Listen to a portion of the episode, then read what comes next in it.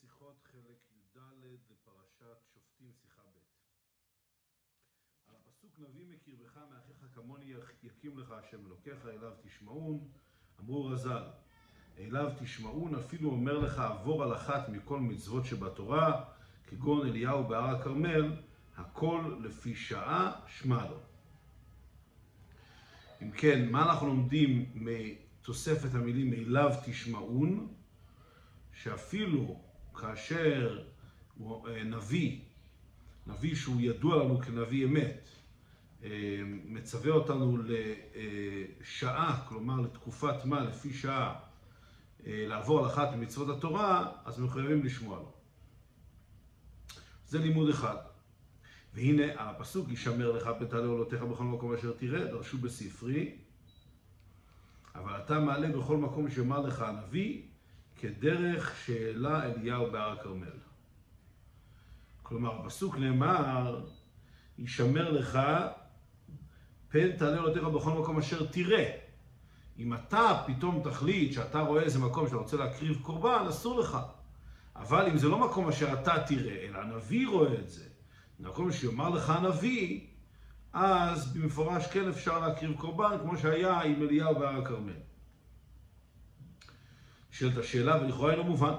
מכיוון שישנו ציווי כללי די אליו תשמעו אני מחייב לשמוע על הנביא, אם הוא אומר עבור על אחת מכל מצוות שבתורה, זה מובן שבכלל זה הוא גם החיוב לשמוע עליו כשהוא אומר להקריב בבמה בשעת איסור במות.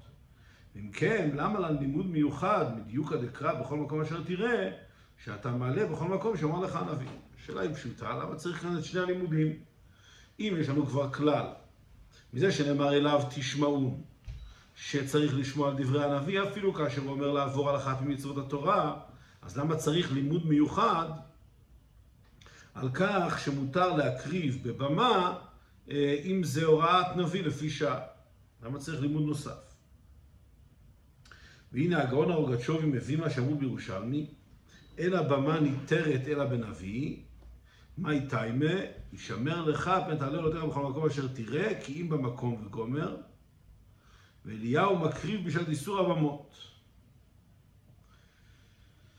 אם כן, הגמרא בירושלמי אומרת שהבמה ניתרת רק על ידי נביא. יש באופן כללי, יש איסור להקריב בבמה, רק בית המקדש מותר להקריב. אמ, אבל באמירה של נביא אז מותר להקריב בבמה. אמ, והירושלמי אומר, מביא את הפסוק בכל מקום אשר תראה, והוא מוסיף, ואליהו מקריב בשעת איסור הבמות, אמר רב סמלאי, דיבורה, דבירה, אמר לי, ובדברך עשיתי, בדיבורך עשיתי. אז הירושלמי מביא, בואו בפשטות, רבקה מביא שני פירושים בעיירה, אבל בפשטות הכוונה היא, אמ, רב סמלאי אמר, מאיזה סיבה אליהו היה לו מותר להקריב בבמה ולא בבית המקדש. אז אמר רב סמלאי, דיבורה אמר לי. היה לו דיבור של הקדוש ברוך הוא שאמר לו לעשות כן. כמו שנאמר הפסוק, ובדברך עשיתי, בדיבורך עשיתי. זה שאליהו הנביא אומר, מה שעשיתי, הקרבתי קורבנות, זה היה בדברך, מכיוון שהיה דיבור מיוחד שהתיר לו לעשות כן. זה היה נבואה. אז זה דברי הירושלמי. במילים אחרות, הירושלמי אומר ש... באופן כללי יש איסור במה, להקריב קורבן בבמה, אה, למעט אם הנביא אה, אומר שצריך להקריב קורבן בבמה. הוא מביא את העובדה שאליהו הנביא הקריב קורבנות בבמה, והסיבה היא, בדברך עשיתי, בדיבורך עשיתי. אומר אורגת שובר, אומר מבאר, לירושלמי סביר על ידי זהו דין, ועל פי נביא יכולים להקריב בבמה בשעת מקדש, ואין עליו שם שחוטי חוץ כלל והווה קורבן. אז אורגצ'ובה פה מחדש דבר חדש. לא זו בלבד שמותר להקריב בבמה אם הנביא אומר, אלא שהקרבה בבמה, יש לה דין של הקרבה בבית המקדש. כאילו הקורבן הזה הוקרב בבית המקדש. כאילו זה הופך להיות המקום שמיועד להקרבת הקורבן. אמ, ולכן זה לא נחשב שחוטי חוץ, זה לא נחשב שהקרבנו את זה מחוץ לבית המקדש. לא, זה הוקרב כאילו במקום שמיועד לכך. ולכן זה נחשב קורבן. וזה אומר שזה החידוש של הירושלמי כאן. בדברך עשיתי שהקורבן של אליהו, הקורבן של הנביא מקריב אה, שלא בבית המקדש, יש לו דין של קורבן ממש. מה שאין כן הבבלי ענה לו סבירה לכן. אבל אומר אורגצ'וב הזה רק לשיטת הירושלמי. אבל הבבלי, שהוא, זה המקור הראשון שצוטט כאן ביבמות, אליו תשמעון, אפילו אומר לך עבור אחת מכל מצוות שבתורה, הוא לא סובר שיש לזה דין של קורבן, הוא אומר שצריך להקשיב לנביא, אפילו אם אומר לעבור אחת ממצוות התורה. על פי זה לדעת ירושלמי הרי זה דין בדיני במה, שעל פי הנביא נפקע איסור של הקרבה בממות בשעת מקדש, והרי הן מותרות כמו שהיו מותרות טרם ביאתם של בני ישראל לירושלים. ומובן שחידוש דין זה דורש לימוד מיוחד, כי אין לאליו זה מאליו תשמעון שאין עניינו הפקעת עצם האיסור על פי הנביא, כי אם החיוב לשמוע עליו ולעבור על האיסור. מה שאין להבבלי, הרי גם על פי הנביא לא נפקע גוף האיסור דהקרבה בממות. ואין זה אלא דין בדיני נבואה, שעל פי ציווי הנביא חייבים לעבור על דברי תורה לפי שעה. ממילא נכלל גם עניין זה, כמו שאר האיסורים, בהציווי כללי דאליו תשמעו. אז הרב אומר, מה ההבדל בין הבבלי לירושלמי? נראה כאן בעצם שלושה הבדלים. דבר ראשון, הדין הזה שאפשר להקריב, כאשר הנביא מצווה להקריב בבמה, מותר להקריב בבמה וצריך להקריב בבמה, אז קודם כל, איפה זה נמצא? הרי בהרבה מקומות, אמ, הדרך להגדיר את מהותו של הדין, זה על ידי שאנחנו מבינים הוא דין במה. זאת אומרת, מה, מה הדין, חלק מאיזה דינים, חלק מאיזה מצווה שבתורה הדין הזה. אז אם אנחנו מדברים כאן על זה שכאשר הנביא מצווה להקריב קורבן בבמה, צריך להקריב קורבן, אפשר ללמוד שזה דין בדיני קורבנות, בדיני במה, או שזה דין בדיני נבואה. אז לדעת הירושלמי זה דין בדיני במה, כי יש לזה גדר קורבן. זאת אומרת, במה בעצם היא אסורה, אבל אם הנביא מצווה להקריב בבמה, אז הבמה היא מותרת, היא הופכת להיות מקום, מקום שהוא ראוי להקרבת קורבן. אז זה דין בבמה, זה לא נחשב, אין איזה גדר של במה אסורה. לעומת לדעת הבבלי, זה דין בנביא. לא, הבמה היא אותה במה. הדין בנבואה, שהנביא מותר לו לצוות לעבור על אחת ממצוות התורה. אז זה דין, דין בנבואה. מזה יוצא נפקא מינה, גם כמובן למהות הדין. אם זה דין בבמה, אז זה אומר שיש לזה גדר קורבן, זה, זה מותר להקריב שם. כמו שהיה לפני שנבנה בית המקדש, לפני איסור הבמות, שהיה מותר להקריב קורבנות גם מחוץ לירושלים, והיה לזה דין קורבן, כמו הקורבנות שבמשכן וכיוצא בזה, אז גם כאן יש לזה כעת דין קורבן, כיוון שזה דין בבמה, אז זה דין קורבן שלם. ולכן זה לא נחשב שעברנו כאן על משהו, שהקרבנו כאן איזה משהו שהוא לא ראוי להקריב אותו, רק עשינו את זה על פי ציווי. לא, זה לכתחילה, זה חלק מאופן הקרבת הקורבן. לעומת זאת לפי הבבלים, מכיוון שזה רק דין בנבואה, אז הדין בנבואה הוא שמותר לעבור על איסור שחוטי חוץ, מותר להקריב בבמה, אף על פי שבדרך כלל אסור. אז זה מעין דחייה של האיסור, אבל זה לא, זה לא הופך את זה למהות של קורבן רגיל. אז זה חילוק שני, ומזה יוצא חילוק שלישי, האם צריך בשביל לימוד מיוחד או לא.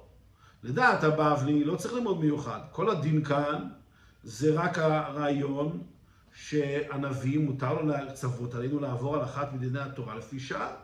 אז זה כולל במה, זה כולל את שאר הדינים, לא צריך עוד איזה לימוד מיוחד ביחס לבמה. מה שאין כן לדעת הירושלמי, לא צריך פה לימוד מיוחד, כי הן אמת שיש לנו כלל שכל דבר שהנביא אומר לעבור עליו, אנחנו אכן מחויבים לשמוע לו לפי שעה. אבל זה אומר שאנחנו מחויבים לשמוע לו לעבור על אחת ממצוות התורה. אבל כאן צריך לימוד מיוחד שיגיד לנו, לא רק שחייבים לשמוע על הנביא, אלא שיש לזה דין קורבן. בשביל זה צריך פסוק מיוחד, שזה דין בבמה. לכן לדעת הירושלמי צריך פסוק מיוחד. אם כן מסיים הרב, ועל פי זה מובן בפשטות גם בנוגע לדרשת הספרי, שגם הוא חולק על הבבלי, שלדעת הספרי לא ייתכן להביא הד אליהו בהר הכרמל כדוגמה לציווי כללי דאליו תשמעון, אפילו אומר לך לעבור על אחת מכל מצוות שבתורה. אם כן, הספרי, שהספרי כן מביא את הדרשה הזאת, כמו הירושלמי, שישמר לך פן תעלה יודע בכל מקום אשר תראה, אבל במקום שיאמר לך הנביא, כן, צריך להקריב, הוא מביא את הדרשה הזאת, זאת אומרת שהוא סובר כמו הירושלמי, הספרי סובר כמו הירושלמי. ואם כן מובן שזה לא, הדין הזה שמקריבים קורבן בבמה על פי ציווי של נביא, זה לא דוגמה טובה לעניין של אליו תשמעון. כי אליו תשמעון, הלימוד הזה, שצריך לשמוע לדברי הנביא, אפילו לעבור על אחת ממצוות התורה, הכוונה היא שעברנו כאן על אחת ממצוות התורה, רק עשינו את זה על פי דברי הנביא. אבל לפי הדרשה הזאת של הספר ושל הירושלמי, זה בכלל לא נחשב שעברנו על אחת ממצוות התורה. זה חלק מדיני במה, זה שעל פי נביא הבמה היא מותרת. אז לפי זה, אי אפשר להביא את הדוגמה של אליהו בהר הכרמל כדוגמה לדין שעליו תשמעון, כי זה בכלל דין אחר, זה דין בבמות. אז יוצא שהן הבבלי, סליחה, שהן הירושלמי והן הספרי, יחלקו על הציטוט הראשון, על דברי הגמרא ביבמות. אליו תשמעון אפילו אומר לך עבור אחת מכל מצוות של התורה, שהדוגמה לכך היא הקרבה של הקורבנות של אליהו בהר הכרמל. אה, אומר הרב, לפי דברי הרוגת שובר, גם הספר וגם ירושלמי לא יסכימו עם האמרה הזאת. אבל הרב שואל על כך, אמנם אין זה מובן. הרי גם הספר מביא הדרשה ענה לפסוק אליו תשמעו, וגם מביא על זה הדוגמה מאליהו בהר הכרמל. ואם כן, הרי אי אפשר לומר דמאן דאמר דדרשה זו, חולק על הדרשה דאבל מלא אתה בכל מקום שאומר לך נביא וכו'. אומר הרב, אם כן, אבל אנחנו, אם אנחנו מסתכלים בספרי, אנחנו הרי רואים שהספרי במפורש כן מביא את אותה דרשה של הבבלי. ומביא גם את הדוגמה של אליהו בהר הכרמל, בתור דוגמה לכך שאליו תשמעון. אז רואים שזה לא סתירה. שאפילו אם אנחנו נאמר שיש לימוד מיוחד שמלמד אותנו בדיני במה, שעל ידי, על פי נביא מותר להקריב קורבנות בבמה, אפילו אם יש לנו לימוד מיוחד על כך, עדיין אנחנו יכולים להכליל את זה בתור חלק מהעניין של אליו תשמעו, שיש דין לשמוע לדברי הנביא, שזה כולל גם את העניין של להקריב קורבן בבמה. אז יוצא שלא כדברי הרוגת שובר. כי הספרי מביא הן את הדרשה של הבבלי, והן את הדרשה של הירושלמי. על פי, זה, על פי זה צריך לומר שגם לדעה זו, מילא גם לדעת הבבלי, הרי זה דין בדיני במה, שעל פי נביא מותרת, כדלן סעיפי. ובפרט על פי הכלל, דעיך שאפשר להשוות דעת הבבלי ודעת הירושלמי והספר וכולו. אמרין על כן אפילו בתירוץ דחוק. ובהקדים ביור בעניין המוקשה בסיום עשרת צווחים, שמזה גם כן הוכחה שכן הוא גם לדעת הבבלי.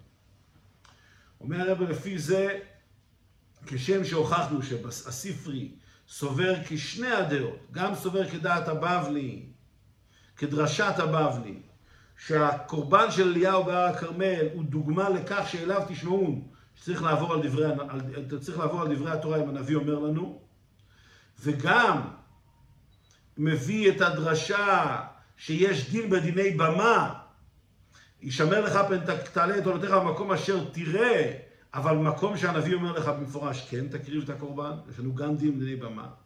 ומסתבר שצריך את שני הדרשות האלה. אז זה לא כדברי אבוגת שובר, שהבבלי חולק על הירושלמי, אפשר לומר שהבבלי מסכים עם הירושלמי גם כן. גם הבבלי יסכים לשני הדרשות, כשם שהסריפי מסכים לשני הדרשות. והרב מציין, במיוחד שיש לנו כלל, שכאשר אפשר לתווך את דברי הבבלי והירושלמי, אז משתדלים לתווך אותם אפילו כאשר הוא תירוץ דחוק. אז אם כן אפשר לומר שאין כאן מחלוקת בין הבבא לירושלמי, וכולם מסכימים לשני הדרשות, רק שכמובן נצטרך להבין למה צריך כאן שני דרשות בדיני במה, גם אליו תשמעון שאומר שמותר לעבור על אחת ממצוות התורה, וגם דין מיוחד שאם נביא אומר להקריב בבמה, אז זה הופך להיות גדר של קורבן, זה הופך להיות מקום הקורבן. למה צריך את שני הדרשות האלה, ואיך זה לשיטת הבבלי, זה מה שהרבי יסביר ב, ב, על פי בהקדים אה, סיום הגמרא במסכת זבחים. אז מה צריך להבין פה איזשהו עניין בסוף מסכת זבחים. אומר הרי בחלק גדול מסיום מסכת זו הרי הוא כולל פרטי דיני במה. בדפים האחרונים של מסכת זבחים יש אריכות גדולה בדיני במה, כלומר לא בדינים שאסור להקריב בבמה, אלא גם איך היו מקריבים בבמה. ומה היו, איזה קורבנות היו מקריבים, ומה היו הדינים המיוחדים של הקרבת קורבן בבמה. כלומר, במקום שהוא לא בית המקדש. לכאורה תמוה הדבר, הלוא מפורש שם, באו לירושלים, נאסרו הממות ולא היה להם עוד היתר. אם כן, מהו הטעם שחז"ל לימדונו לדעת היום ובאריכות הפרטים את הדינים שבבמה? הרי מאי דאה ואהבת קושייה דש"ס בכמה מקומות. ומזה מובן שגם עכשיו, בזמן הזה, ישנה אפשרות על פי ההלכה להקריב במה, אשר על כן גם לנו נחוץ לדעת פרטי דיניה. שואל הרב בשאלה כללית, למה בכלל הגמרא נכנסת לאריכות גדולה בכל פרטי הדינים של הקרבת קורבן בבמה? לכאורה הרי הגמרא בעצמה אומרת שמאז שהגיעו לירושלים נאסרו הבמות ואין להם עוד היתר, כלומר מכאן ואילך המקום היחיד להקריב קורבנות זה בירושלים. ואם כן, כל הדינים האלה, איך להקריב בבמה, זה רק היה שייך לפני שבנו את בית המקדש בירושלים. אז למה הגמרא צריכה להיכנס לכל אריכות הפרטים בהקרבת הקורבנות בזמן הבמות, בזמן היתר הבמות, אם זה דבר שבכלל לא נוגע למעשה? כי הרי עכשיו כבר אסור להקריב בבמה. אז איזה אפשרות יש להקריב בבמה, שהגמרא בשביל זה צריכה לפרט לנו את כל דיני ההקרבה בבמה. אז כפי שאנחנו נראה, אומנם אה, ישנם עוד דינים שהם דברים אה, שלא מצויים היום. הרב מציין בהערה, מה שכתוב בגמרא, לדעה אחת שבן סורר ומורה, אז לא היה ולא יהיה, וגם עיר הנידחת וכולי. אמ, אבל הרב אומר, זה לא אותו דבר. כי אנחנו כאן מדברים על מציאות כזאת, שהמציאות לא התרחשה. בוא נאמר, בן סורר ומורה. המציאות של בן סורר ומורה עוד לא, עוד לא קרתה, או שלא תקרה. אבל, אבל זו מציאות שיכולה לקרות. אז התורה, במפורש, יש לנו דינים והלכות שקשורים לכל דבר שיכול לקרות. אבל הדין במה, זה לא רק שזה לא יקרה, כי טכנית זה לא יקרה. זה גם לא יכול לקרות, כי אסור להקריב בבמה. אז ברגע שאסור להקריב בבמה, למה נוגע כאן להיכנס לכל פיתוי? זה היה דבר מיוחד לאותה תקופה, שהיה מותר להקריב בבמות. היום, מדיני התורה זה שאסור להקריב בבמה. אם אסור להקריב בבמה, אז הגמרא לא צריכה להיכנס לפרטים של הדינים האלה. זה לא חלק מההלכות שנוגעות ל...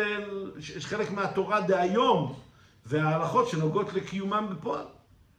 לא רק בגלל שזה לא יקרה בפועל, אלא מכיוון שאסור, ש... מצד התורה זה לא אמור לקרות, כי אסור להקריב בבמה. אלא מה נאמר? שיש כן איזשהו היתר להקריב בבמה.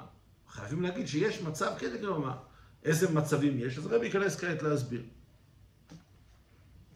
והנה, אופן אחד של היתר ההקרבה בבמה בזמן הזה, הוא כמאמר הז"ל, ועקום בזמן הזה רשאים לעשות כן להקריב במה, חולו אותנו רבנן לדבר בני ישראל, בני ישראל מצווים על שחוטי חוץ, ואין העכו"ם מצווים על שחוטי חוץ. לפיכך כל אחד ואחד בונה לו במה לעצמו, מקריב עליה כל מה שירצה חולו. אסור לסייע ולעשות שליחותם חולו, ולהורינו שרי. אז הרי מביא שהגמרא בעצמה אומרת שלגויים כן מותר להקריב קורבנות בבמה. ואומנם אנחנו אסור לנו להקריב בשליחותם, אבל, בבמה, אבל מותר לנו להורות להם את דיני ההקרבה. להורינו שרי. אז אומר הרבי, הנה, אפשר אולי לכן, בזה נתרץ את השאלה למה הגמרא מעריכה כל כך בפרטי דיני במה בסוף מסכת זבחים. כיוון שמותר לבן ישראל להורות לעקום איך להקריב במה בזמן הזה, הרי לא לדעת פרטי הדינים. אומר הרבי, זה עדיין לא, לא תירוץ מספיק, אבל עדיין דוחק לומר שכל האריכות הנ"ל בגמרא הוא בשביל להורינו לעקום. ובפרט אף על פי שמצינו בגמרא כמה וכמה עניינים שהקלטה והוראות גם לגבי דבר בלתי רגיל ומצוי, או אפילו במציאות רחוקה לגמרי, בכל זאת הרי הם עניינים שבאם יארע דבר זה יש לו מצווה והוראת דין לחיוב וכו'.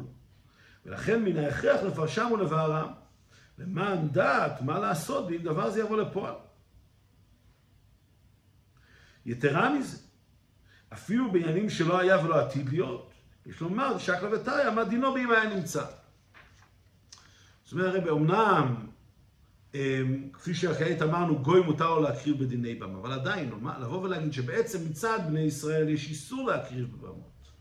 אז כל אריכות הדינים של דיני במה זה רק בשביל המצב, בשביל המצב הנדיר הזה, שגוי ירצה להקריב בבמה. ואנחנו צריכים להורות לו איך להקריב, ובשביל זה נלמד את כל דיני במה. אז שוב פעם, מצידנו, מצד הלכות התורה כפי שהם לבני ישראל, אין דיני במה, כי דיני במה היום אסור להקריב בבמות. אז מצידנו זה אסור. בשביל מה? בשביל הגוי. בשביל להורות לגוי, אבל להורות לגוי זה דבר לא מצוי. אז כאשר המצווה ביחס לבני ישראל היא לא קיימת, כי זה אסור לבני ישראל להקריב במה, וביחס לגוי זה דבר לא מצוי, אז מה פתאום שהגמרא תיכנס לאריכות הדברים שבזה?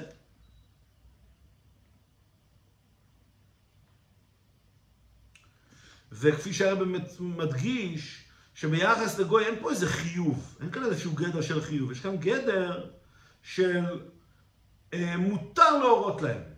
אם היה כאן חיוב, איזשהו, אז אפילו אם זה דבר לא מצוי, אפילו אם זה קשור לגויים, אבל אם יש עלינו חיוב לעשות משהו שצריך להורות לגויים, אז צריך לדעת את כל הדינים. אבל אם אין לנו חיוב, שוב פעם, להקריב בבמה ביחס אלינו זה לא יהיה, כי אסור כבר להקריב בבמה. ביחס לגויים אין לנו חיוב להורות להם, רק שמותר להורות להם. אז בשביל זה הגמרא צריכה להיכנס לכל הדינים כאן? למה זה נוגע? למה זה נחשב חלק מהעניין של לימוד התורה? אבל באם שגם אם, אבל בעניין שגם אם יראה דבר בלתי רגיל, לא יהיה בו חיוב להן או ללאו. כמו מדינון דידן, שירצה לקום להקים קורבן בבמה בזמן הזה, ועל פי דיני התורה דווקא, שהוא דבר רחוק ממציאות, אפילו אם תהיה מציאות כזו. גם מה זה שום חיוב לא אותם בזה? הוא כלשון, לא הורינו שרי. דוח הגדול לומר שאף על פי כן באה כל אריכות בש"ס. אז פה קשה מאוד לומר שבשביל מקרה שא' הוא בלתי מצוי, ב' הוא קשור לגויים, ואין שום חיוב על היהודי להורות להם, זה רק שמותר לו להורות להם. אז בשביל זה נדון בכל דיני במה רק בשביל המצב הזה? ומוסיף הרבה, ועוד, שקלא וטריא לפסק דין, יש בזה קדימה לעניין שהזמן גרם וכולו. על פי זה צריך לומר שכל השקלא וטריא לפסק דין בדיני במה, היו בזמן שלא היו ספקות כלל בכל דיני ש"ס שייכים לבני ישראל וכו'. יש לנו כלל שכל דבר שקשור למייסה, להלכה, לדבר שנוגע לפועל, להנהגה בפועל, הוא קודם לכל הדיונים האחרים. יש בזה דיון בקדימה, מה, איזה דברים בתורה הם קודמים לדברים אחרים. אז דבר שהוא קשור למעשה בפועל, הוא קודם לכל הדברים האחרים. אז אם הגמרא מעריכה כל כך בדיני במה שזה לא נוגע לפועל, ודאי שזה לא נוגע כעת, זה אומר שחייבים לומר שבבית המדרש, כאשר דברי הגמרא האלה נאמרו, כבר פתרו את כל השאלות שהיו נוגעות למעשה, והדבר היחיד שנשאר לדון בו זה דברים כאלה שבכלל לא נוגעים למעשה. אם יהיה יום אחד גוי שירצה להקריב קורבן, ומישהו ירצה להורות לו איך להקריב את הקורבן, אז הוא יגיד לו את כל הדינים האלה. אז זה, גם זה קשה לומר שבזה הגמרא עוסקת, בכל סיום מסכת צווחים, כאשר יש כל כך הרבה נושאים שנוגעים למעשה שהגמרא יכולה לעסוק בהם.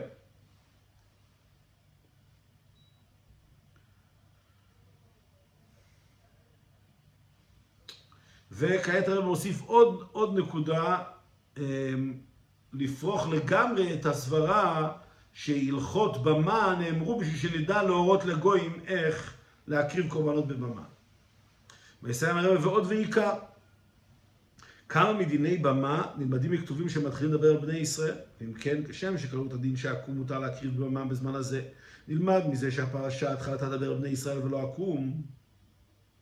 כמו כן צריך לומר שגם פרטי דיני במה אלו, הנלמדים מכתובים של מר עמדה בבני ישראל, נוהגים רק בבמת ישראל ולא בבמת עקום.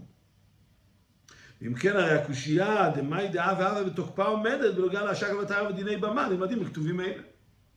אומר הרב, שימו לב, מה, מאיפה למדנו את כל הרעיון שלגוי מותר להקריב בבמה? למדנו את זה מזה שנאמר אה, בפסוק שאומר שאסור להקריב בבמה, נאמר לדבר על בני ישראל. ולכן זה לא כולל גויים, לגויים כן מותר להקריב מחוץ לבית המקדש. אומר הרב, לפי זה, הרבה מדיני הבמות, ההקרבה בממה, גם כן הפרשה נפתחת למילים לדבר על בני ישראל. ואם כן, כל הדינים האלה, שוב פעם, לא רלוונטיים לגויים. אז אם כן, הגמרא שהיא דנה כעת בכל דיני הקרבת קורבנות בבמה, שזה כולל גם דברים כאלה שהם נלמדים מהפסוקים שנאמר לדבר על בני ישראל, הם בכלל לא קשורים לגויים. כי הרי אם נאמר לדבר על בני ישראל, אז, לא, אז, אז הגויים לא חייבים בדינים האלה. אז כבר אי אפשר לומר שהגמרא מפרטת את כל דיני במה בשביל שאנחנו נדע איך להורות לגויים, מכיוון שהרבה מההלכות האלה בכלל לא רלוונטיים לגויים, כי גויים פטורים מהם, אין, אין, הדין הזה לא נאמר לגויים, נאמר דבר בני ישראל. אז אם כן, למסקנה אי אפשר לומר שכל הדינים בסיום מסכת זבחים, זה נוגע רק לכך שנוכל להורות לגוי אם הוא ירצה להקריב קורבן בבמה. ושוב פעם, מכמה טעמים. א', אמרנו, אמ, זה דבר שהוא בלתי מצוי לגמרי. ב', זה דבר שקשור, גם אם זה יקרה, זה קשור לגויים, זה לא קשור אלינו, ולנו אין שום חיוב. יש לנו רק היתר להורות להם, לנו חיוב להורות להם. וג' ועוד, אה, או, דבר נוסף, זה שאפילו אם נאמר שהגמרא כן צריכה לדון בזה, אבל זה רק אחרי שנסיים את כל הדברים שנוגעים למעשה. כי מעשה קודם לכל הפלפולים האלה, ודברים שלא קשורים למעשה בפועל. אז גם זה עצמו קשה. ועוד ועיקר אומר הרבה, הרבה מההלכות האלה בכלל לא שייכות לגויים, מכיוון שההלכות נלמדות מפסוקים שנאמר, דבר בני ישראל. אז אם כן, אי אפשר לומר שכל סיום מסכת זרחים זה רק בקשר להורות לגויים איך להקריב בבמה. ולכן נותר לנו עוד הסבר נוסף. ההסבר היחיד שנותר זה להגיד שגם בני ישראל יכולים להקריב בבמה, מתי? כאשר נביא מתיר להם או מצווה להם להקריב בבמה. אמנם, יש עוד אופן של אפשרות להקריב במה גם בזמן איסור במות, והוא על פי ציווי נביא. ואף שאמרו מי שמתו נביאים האחרונים, חגי, זכריה ומלאכי, נסתלקה רוח הקודש מישראל. שמזה משמע לכאורה שאי אפשר שיקום נביא בזמן הזה. אינו. כי מפורש בכמה מקומות דברי חז"ל, שהייתה גם לאחרי זה השראת רוח הקודש. אומר, באופן היחיד שיוותר לנו לומר שאפשר להקריב קורבן במה, זה על, ידי, על פי הנביא. אם נביא יבוא ויגיד להקריב קורבן בבמה. אלא שעל כך נשאלת השאלה, הרי הגמרא אומרת שאחרי הנביאים האחרונים, אה, חגי, זכריה ומלאכי, כבר נסתלקה רוח הקודש. ואם כן, אה, כבר אי אפשר, אה, לא יכול להיות כזה מצב שיבוא נביא ויגיד לנו להקריב קורבן בבמה. אומר הרב, זה לא, זה לא מדויק לומר שאין יותר דין נבואה. כי הגמרא במפורש בכמה מקומות מספרת על כך שהיא על, על ענייני רוח הקודש, אבל מי שאמרה, נסתלקה רוח הקודש מישראל. הגמרא בעצמה מציינת שעניינים של רוח הקודש, כפי שהרב מציין פה בהערה כמה מקורות.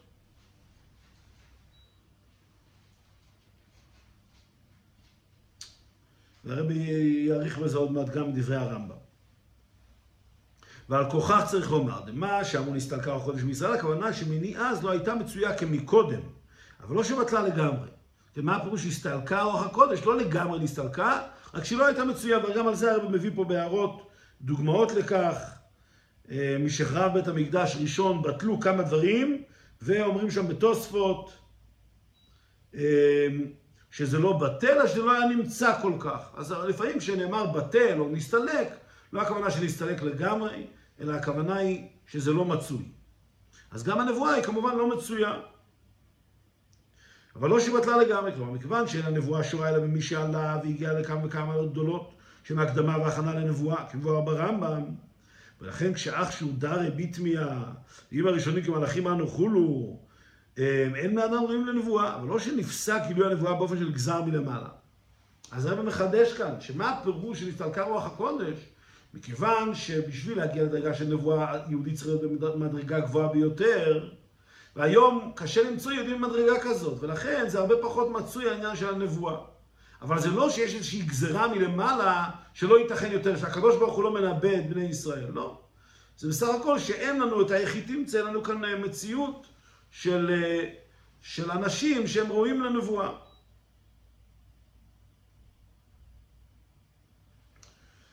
ואם כן, אז זה לא שאין מושג של נבואה מאז הנביאים האחרונים. מפורש יש, ויכול להיות אפילו מצב שייווצר נביא. אבל זה דבר לא מצוי, מכיוון שאין יהודים שראויים לנבואה. על פי זה מדויק הלשון נסתלקה רוח הקודש מישראל ולא בטלה או פסקה.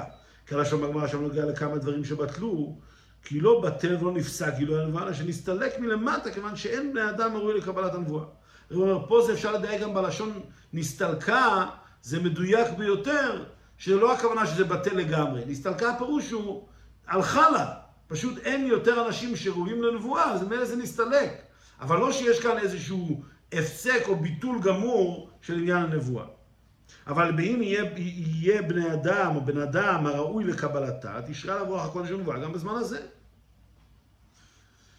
על פי הנ"ל מתורץ ומובן, הדה הרמב"ם. אז קודם כל אנחנו אומרים, אם כן, שהעניין של נבואה במפורש כן קיים, ויכול להיות מצב שיהודי יתנבא ותהיה לו נבואה גמורה. רק מה, מכיוון שבדורות שלנו, מצד ירידת הדורות, זה דבר שהוא בלתי מצוי כלל. על פי הנ"ל מתורץ ומובן עד הרמב"ם, הרב שמהר כמה וכמה פרטים בנוגע לנבואה, לא מזכיר כלל שאין נבואה, שאין נבואה משבט הנביאים האחרונים, עד לפני ביד המשיח. הרמב"ם מעריך באריכות גדולה בענייני נבואה, והוא לא מזכיר בכלל שבטלה נבואה לגמרי. ובפרט שמביא גם פרט בשלילת הנבואה, ואפשר שלא תשרה. ואף על פי כן אין בדבריו שום רמז שאי אפשר שתשרה בזמן הזה. ואדרבה, לאחר שהוא מונה התנאים הנצרכים לנבואה מסיים, מיד הוא החודש שורה עליו. הרי שהנבואה תלויה רק בעניינים אלו ולא בשום תנאי אחר. הרמב"ם מסביר איך אדם נהיה נביא, הוא מפרט את הדרך של האדם לנבואה, ברגע שאדם מגיע לדרגה הזאת, מיד תשרה עליו נבואה, והוא לא מזכיר בכלל שבדורות שלנו אין, אין נבואה. מזה רואים שהרמב"ם סובר שאין בעצם מניעה לעניין הנבואה בדורות שלנו, רק דרגת האדם. אם האדם יגיע לדרגה כזאת של נביא, אז יכול להיות נבואה גם בזמן שלנו. אז גם הלשון הסתלקה משמע, שזה לא דבר שבטל לגמרי. גם דברי הרמב"ם שלא מזכיר בכלל שאין כיום את עניין הנבואה. ועכשיו ראיה נוספת, ויתר מכן מבואר באיגרת תימן להרמב"ם, שזה שאמר בלעם, כעת יאמר ליעקב ולישראל מה פעל כן, יש בו סוד, שמן העת ההיא יש לחשוב כמניין שיש מששת ימי בראשית ועד אותה עת, ותחזור הנבואה לישראל וכולו. ונבואה זו נאמרה בשנת ה-40 לצאן מארץ מצרים. ותמצא התחלת החשבון עד אותה העת, 2488 שנה, שהסימן בתפח גאולים, ולפי ההיקש הזה והפירוש הזה תחזור הנבואה לישראל בשנת 4976 ליצירה. הרי מפורש את דעת הרמב"ם, זה לא זו בלבד שיש אפשרות לגילוי הנבואה בזמן הזה, אלא שתחזור הנבואה לישראל. אומר הרב בדברי הרמב"ם, באיגרת תימן, שם הוא מפרש מה הפירוש אה, כעת יאמר לישראל וליעקב מה פעל כל כעת, מה זה הכעת? שמאותו, מזמן בריאת העולם, אה,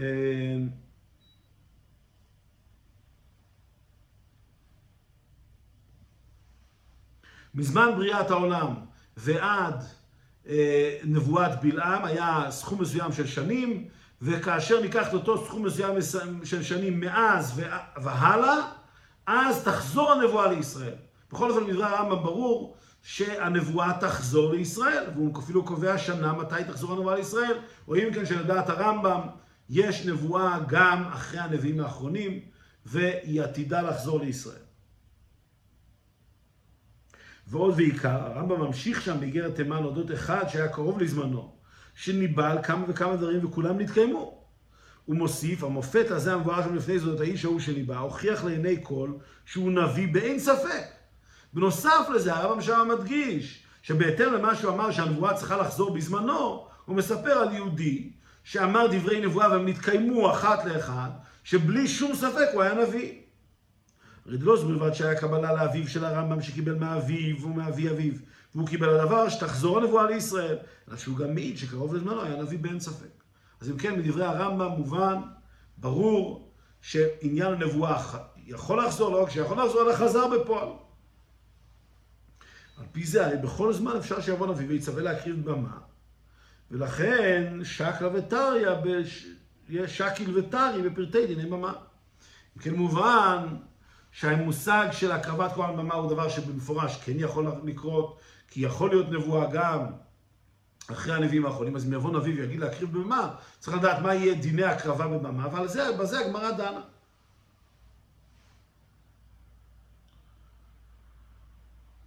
אז לפי זה יובן למה הגמרא בסוף מסכת זבחים מעריכה בדיני במה.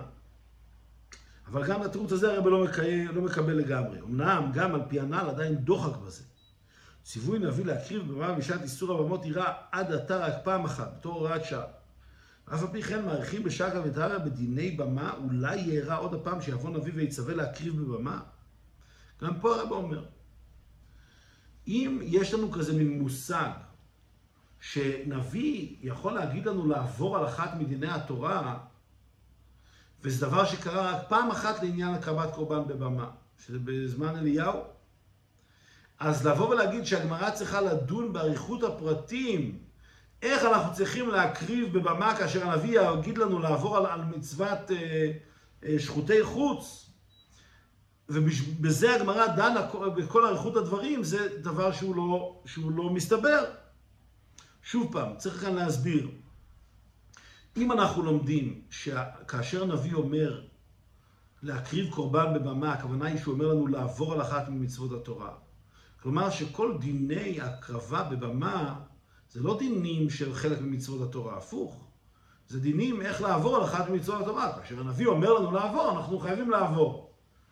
אבל זה לא, אי אפשר לקרוא לזה דינים ופרטים במצוות קורבנות, מכיוון שאנחנו כאן לא מקריבים קורבן. אנחנו עוברים כאן על דיני הקרבת הקורבן, רק מה, אנחנו עושים את זה על פי ציווי הנביא. ולכן זה לא חלק רגיל מתורה שבכתב, תורה שבעל פה, שצריך לדין, לדון בדינים ובהלכות של כל מצווה ומצווה. אלא זה מציאות כזאת שנביא אומר לנו לעבור על המצווה, ואז אנחנו דנים איך בדיוק אנחנו נעבור על המצווה, באיזה צורה אנחנו נעשה את ה... נדחה את המצווה. אבל אז מכיוון שזה לא חלק מה, מהציווי עצמו, מדיני התורה כפי שהם מצד עצמם, וזה רק כתוצאה מכך שהנביא אומר לנו לעבור על אחת ממצוות התורה, אז מאוד, אם זה לא דבר שנוגע לפועל, לא מובן למה מה צריכה לדון בזה. אם זה דבר שקרה רק פעם אחת, אז בשביל כזה מציאות שאולי תקרה, שהגמרא תדון בכזאת אריכות, זה לא מסתבר.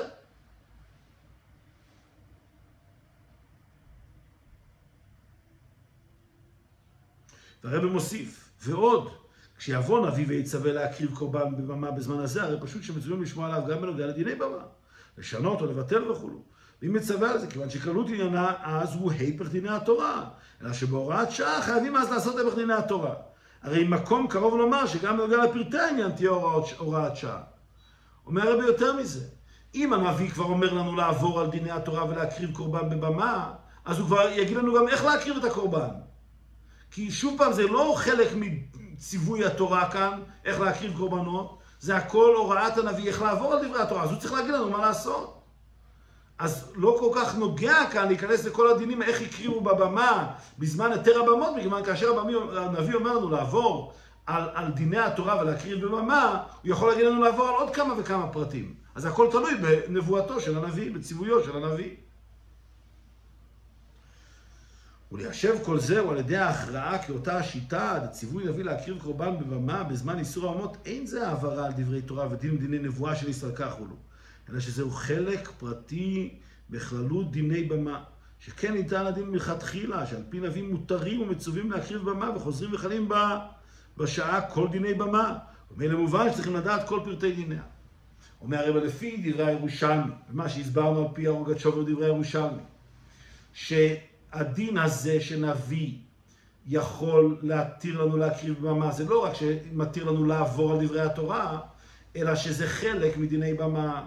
כלומר, התורה אומרת לנו שנאסרו הבמות. מאז שנבחר בית המקדש בירושלים, נבנה בית המקדש בירושלים, אסור כבר להקריב במקום אחר.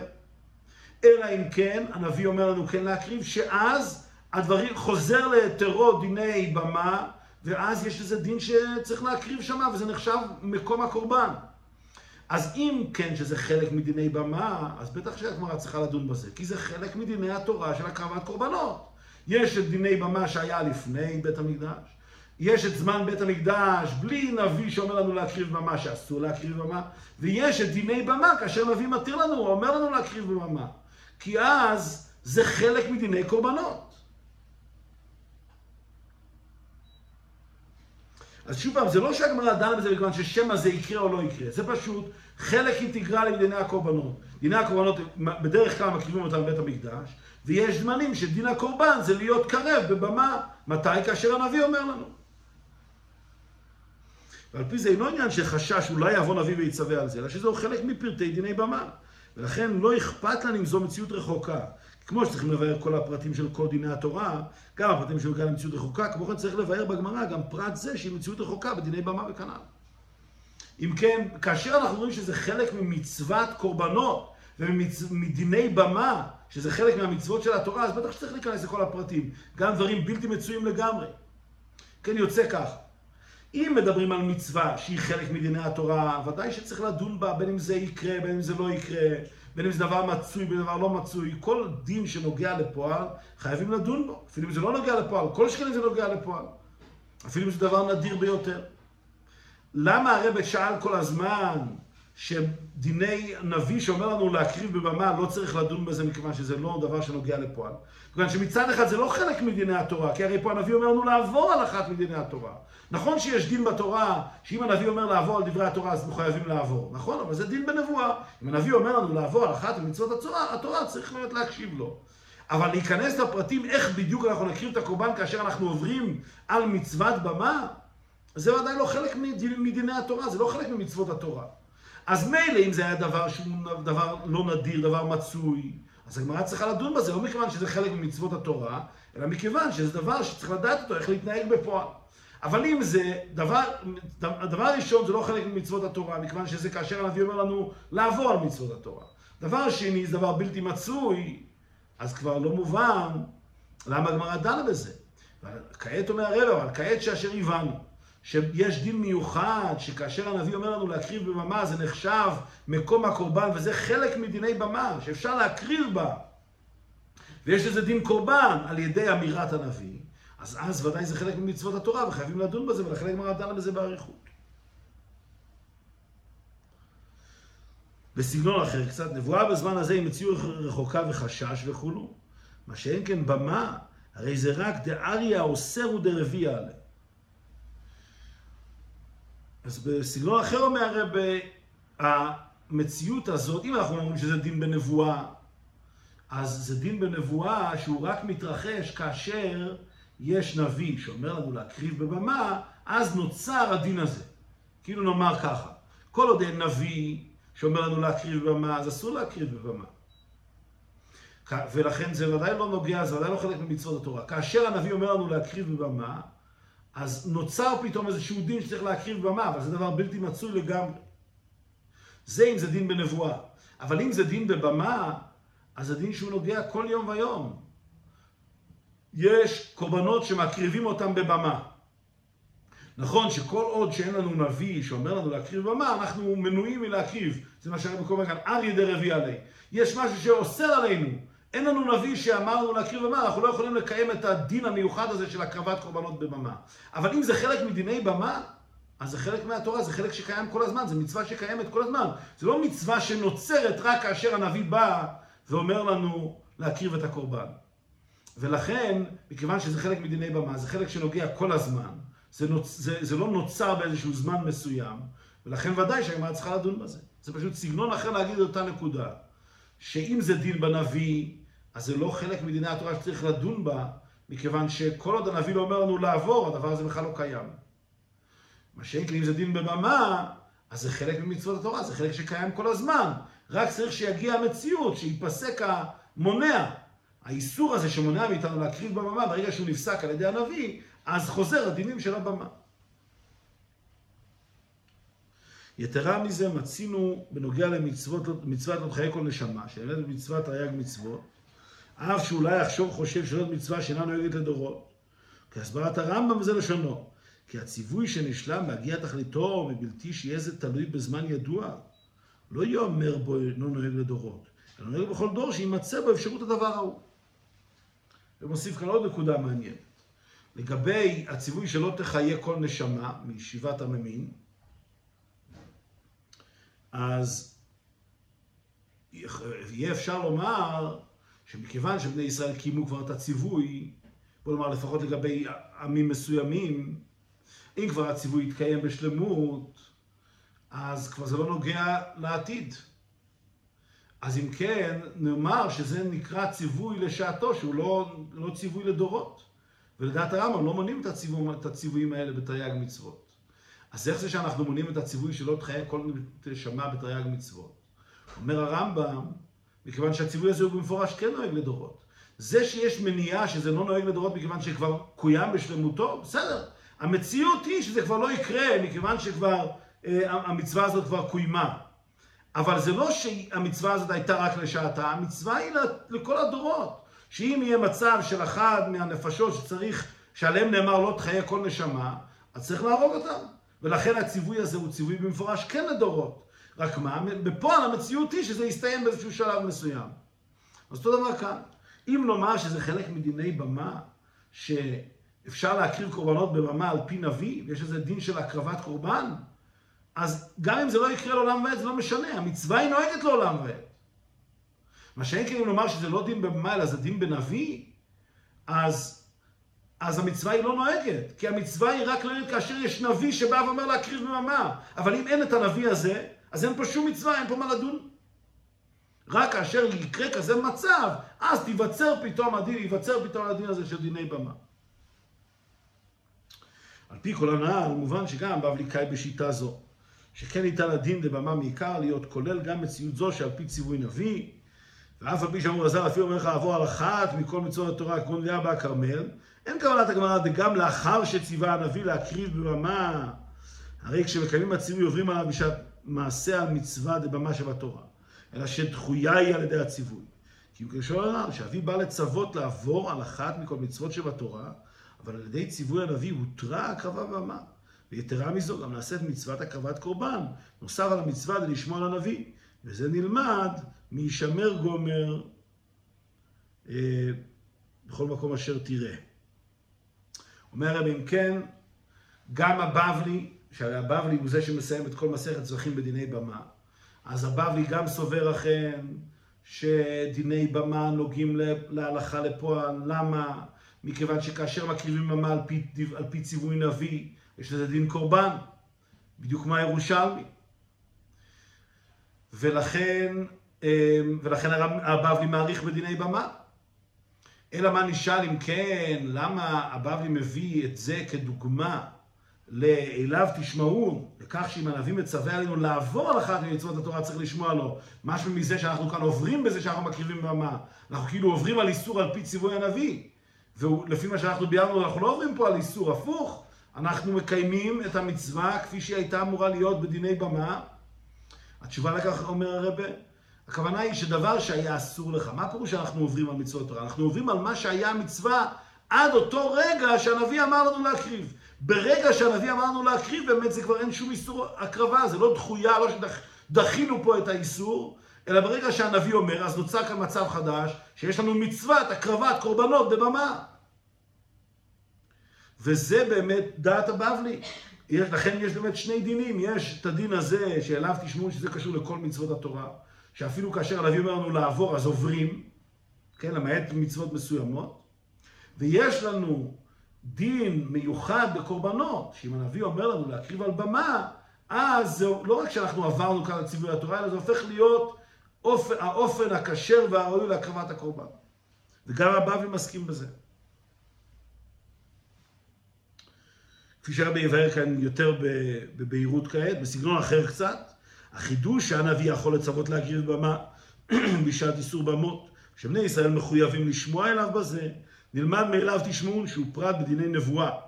ובשאר מצוות התורה שמכוחו של הנביא לצוות לעבור עליהם. לאחר שלמדנו דאליו תשמעון להקריב במה, בא הלימוד בבמה, דמעלה אתה בכל מקום שיאמר לך הנביא, ההיתר והציווי פרט בדיני במה. זאת אומרת, בסגנון אחר, כאילו יש כאן שני שלבים. שלב ראשון זה שלב כולל בכל מצוות התורה. שאם הנביא אומר לנו לעבור, אנחנו צריכים לעבור.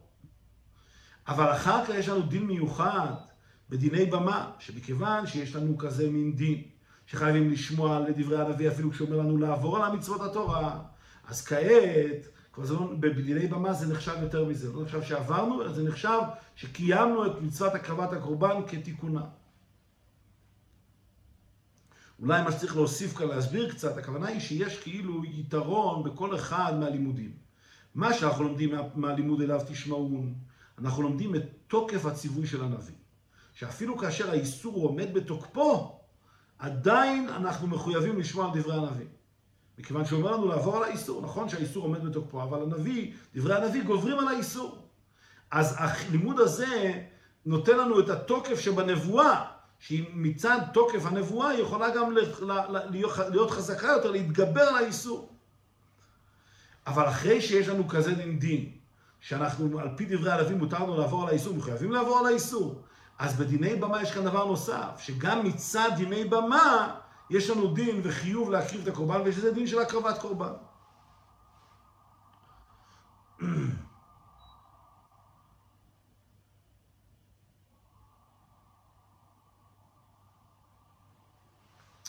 אולי אפשר עוד, יתרה מזה, מה שכאן שהרב אומר, שאילולי היה לנו את האפשרות לעבור על דברי התורה, על פי ציווי הנביא, אז יכול להיות שגם לא היה לנו דין במה כאן.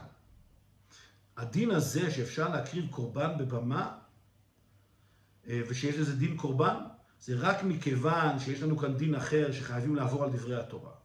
ולכן היינו מחויבים בכל אופן להקריב את הקורבן על הבמה, אפילו אם לא היה כאן דין בדיני במה, אפילו אם זה לא היה נחשב קורבן. אם הנביא אומר לנו לעשות, אנחנו חייבים. מכיוון שיש לנו את החיוב הזה, אז זה מאפשר לנו כעת לחזור באמת לדין, לדיני במה המקוריים, ולה, ולה, ולהכיל את כל ההלכות שקשורות לדיני במה לקורבן הזה. אבל זה רק אחרי שיש לנו את, ה, את ההיתר הכללי לעבור על אחת ממצוות התורה. יכול להיות שזה כאן הכוונה של מה שהרב אומר. לא זו בלבד שיש כאן שני דינים, שני פרטים, אחד בדין הנבואה ואחד בדין הבמה, אלא שדין הבמה הוא רק יכול להיות לאחרי שיש לנו את הדין הנבואה. אחרי שאנחנו יודעים שמותר לנו לעבור על אחת ממצוות התורה, ושאנחנו מותר לנו להקריב במה על פי דברי הנביא, אז חל עכשיו כל הדינים שקשורים לבמה כתוצאה מכך. אז יש כאן שני שלבים בעצם בחיוב להקריב קורבן במה על פי דברי הנביא. והנה על פי המבואר לעיל שבהקרבה בבמה על פי נביא יש בה שני ציוויים. א', אליו תשמון, הקרבת קורבן במה, ב', הקרבת קורבן במה. מובן שהקרבה בבמה על ידי נביא יש בה מעלה יתרה לגבי הקרבה בבמה משעת יתר הבמות. ולא רק יתרון בכמות שמתקיים בית מצוות, כי אם, כי אם גם מצד איכותה של ההקרבה. אומר הרב, עכשיו שאנחנו מבינים שיש כאן שני דינים, גם את הדין הזה שצריך לשמוע על דברי הנביא, וגם את דין הקרבת קורבנות בבמה, יוצא שכאשר הנביא אומר להקריב קורבן בבמה, ובני ישראל מקריבים את הקורבן, אז זה לא רק שהם מקריבים כמו שהיה לפני איסור הבמות, אלא הקרבת הקורבן על פי דברי הנביא היא בדרגה הרבה יותר גבוהה, היא נעלית יותר מאשר הקרבת הקורבנות לפני איסור הבמות. הכיצד? אומר הרב, אם כן, מבאר הרב, קורבנות חובה אינם קרבים, קרבים בבמה. היינו שאין די בהקרבה בבמה וקדושתה שחיוב שישנו על, האדו, על האדם יוכל לקיימו בבמה. אף שמצוות קורבן שאינו מחויב הוא מקיימה בבמה. כאשר מדברים על הקרבת קורבן בבמה, אז אמנם יש כאן מצוות קורבן כאשר אדם מקריב קורבן, אבל האדם לא יכול להקריב קורבנות חובה שיש עליו. יש עליו חובה להקריב קורבן, הוא לא יכול לצאת די חובה בבמה. למה? מכיוון שהקורבן שבבמה, אמנם יש לו דין קורבן, אבל הדין הזה לא יכול להשפיע על האדם, לפטור אותו מהחיוב קורבן שיש לו. הבמה יש את הכוח לקחת את הבהמה ולפעול בדין קורבן. אבל לבוא ולהגיד שאדם ייפטר על ידי זה מחובתו להקריב קורבן, זה אין בכוח הבמה לעשות את זה. גם בזמן היתר הבמות. כפי שהרב אומר, חילוק זה הוא רק בנוגע לאדם, בנוגע לעבודות ופעולות בקורבן חובה, הרי לעשות הם גם בהקריבו קורבן שאינו חובה בבמה. הקורבן עצמו אין הבדל, הקורבן עצמו, בין אם הוא קורבן חובה או קורבן אה, נדבה או מה שלא יהיה, אה, הקורבן הזה הוא מוקרב באותה צורה. אבל קורבן כזה שהוקרב בבמה לא יכול גם להשליך על האדם ולפתור אותו מהחיובים שיש לו. אז זה רק בקורבן רגיל שבבמה. מה שאין כשמקריבים במה על פי ציווי הנביא, הרי זה מעין קורבן חובה. בסגנון אחר, קדושת ההקרבה והבמה פועלת לא רק בקורבן, כי אם גם באדם. האדם מקיים ציווי אשר מוטל עליו הציווי דליו תשמעון. אבל כאשר הנביא אומר ליהודי להקריב קורבן בבמה, אז אין כאן רק דין שהוא הקריב קורבן, אלא הוא גם מילא את חובתו. יש כאן בעצם, זה דומה לדין, לקורבן חובה. יש עליו חיוב לשמוע דברי הנביא. וכעת כתוצאה מזה הוא בא ומקריב את הקורבן והוא ממלא את החיוב שלו לשמוע על דברי הנביא. יוצא שהבמה הזאת שהקריבו בה על פי ציווי הנביא היא חזקה יותר, הקדושה שלה חזקה יותר, שהיא פוטרת את האדם מחובתו. היה לו חובה לשמוע על דברי הנביא, ועל ידי זה שהוא הקריב את הקורבן הוא באמת, הוא באמת קיים את החיוב שלו. שזה דומה לקורבנות חובה, שבדרך כלל אי אפשר להקריב אותם אה, בבמה. אז אם מסתכלים בעומק העניין, סתם קורבן בבמה בהיתר הבמות, הוא, יש לו דין חפצה. יש פה דין שהקורבן הוא דין קורבן, אבל הוא לא יכול לפעול שום דבר על האדם, הוא לא פותר אותו מהחיובים שלו, הוא לא משליך עליו בשום צורה. לעומת זאת, כאשר, כאשר אדם מקריב קורבן על פי ציווי הנביא, אז הוא באמת, זה במפורש משליך על האדם, הוא מילא את חובתו, הוא מילא את הציווי שהיה עליו, עליו תשמעון. אם כן, הקורבן עצמו הוא קורבן עמוק יותר, יש בו תוקף יותר, יש בו קדושה יתרה, שהיא גם פותרת את האדם מהחיוב שהיה עליו. הוסיף הרבי, ועל דרך קלות החילוק שבין ההקרבה בבמה להקרבה בבית המקדש. הקרבה בבמה אינה פועלת שתתפשט הקדושה במקום בו הוקרב הקורבן. לא מצינו קדושה במקומות שבע, שבעבר היו בהם במות. שאין כן מזבח של המקדש, שהקרבת הקורבן פועלת קדושה גם במקומו. היינו שאין בכוחו של קורבן בבמה להמשיך קדושה ממנו וחוצה, מה שאין כן קורבן בית המקדש. אז הרי הוא אומר, בעומק יותר נראה שזה בכלל ההבדל בין במות לבית המקדש. אחד ההבדלים העיקריים, במה, אין קדושה במקום שבה נבנה, נבנתה הבמה. אמנם היה שם במה והקריבו שם קורבנות בזמן היתר הבמות, אף על פי כן הקדושה לא התפשטה למקום בעצמו.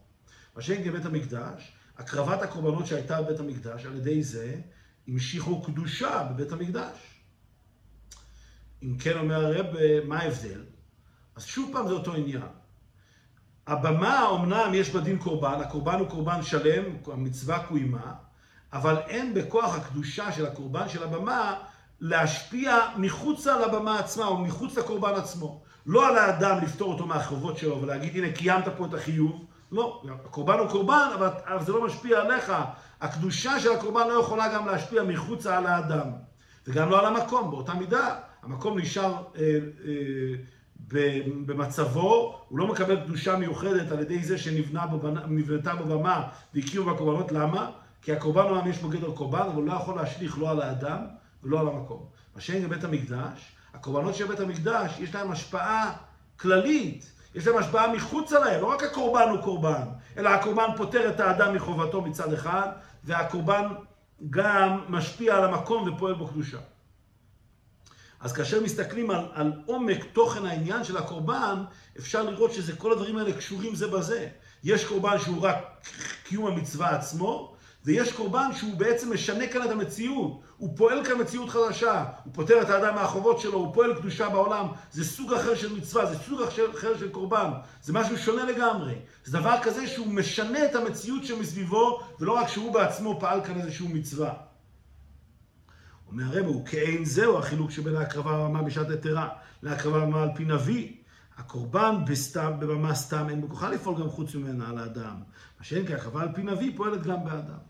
אומר הרב, הקרבה בבמה על פי ציווי הנביא היא בדומה במידה רבה לקורבנות של בית המקדש. מכיוון שהיא כן פועלת המשכת קדושה מחוץ לקורבן עצמו. היא פועלת כאן, היא יוצרת איזשהו שינוי, איזשהו שינוי בעולם. לא רק שהיא בעצמה קוימה פה מצווה, אלא נוצר כאן איזשהו שינוי. מהו השינוי? שהאדם מילא את חובתו.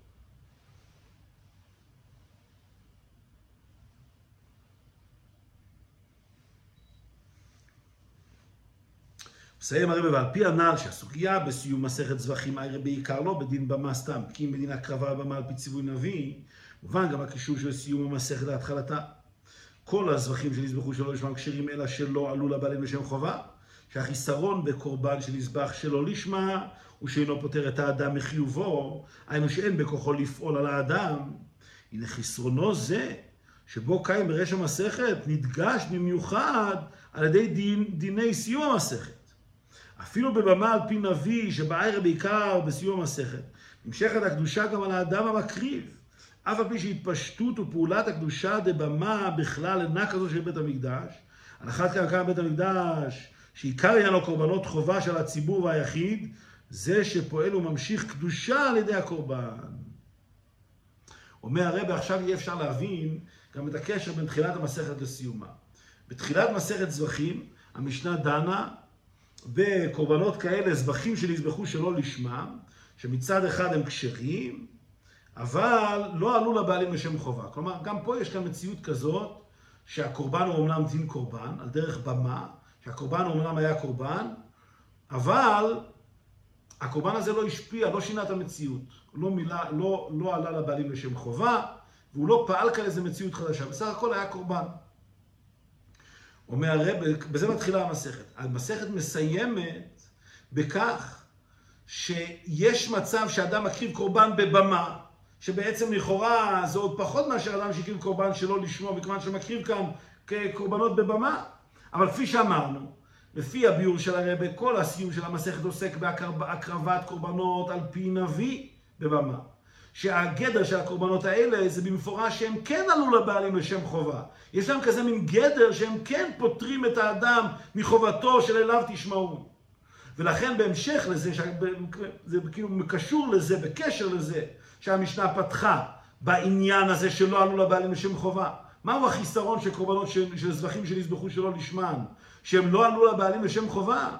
אז הגמרא מסיימת בסיום, שהנה אפילו קורבן כזה שהוקרב בבמה, הוא כן עולה לבעלים לשם חובה. בעצם שהתכלית היא במפורש שהקורבן כן יעלה לבעלים לשם חובה, שהקורבן כן יפעל איזשהו שינוי במציאות. ולכן זה מדגיש עוד יותר את תחילת המסכת, זה שאנחנו אומרים בתחילת המסכת שיש כאן חיסרון, אמנם הקורבן הוא כשר, אבל הוא לא עלה לבעלים לשם חובה, זה, זה חיסרון עיקרי, מכיוון שבעצם התכלית היא שהקורבן כן יפעל על האדם ועל המציאות שמחוצה לו. כי אפילו בבמה מדגיש הרבה, אפילו במציאות כזאת בלתי רגילה, ושזה לא בבית המקדש, אף על פי כן, אפשר, ובעצם האופן היחיד שמקריבים בבמה היום, זה באופן כזה שזה כן פועל על האדם, שזה כן ממלא איזשהו חיוב.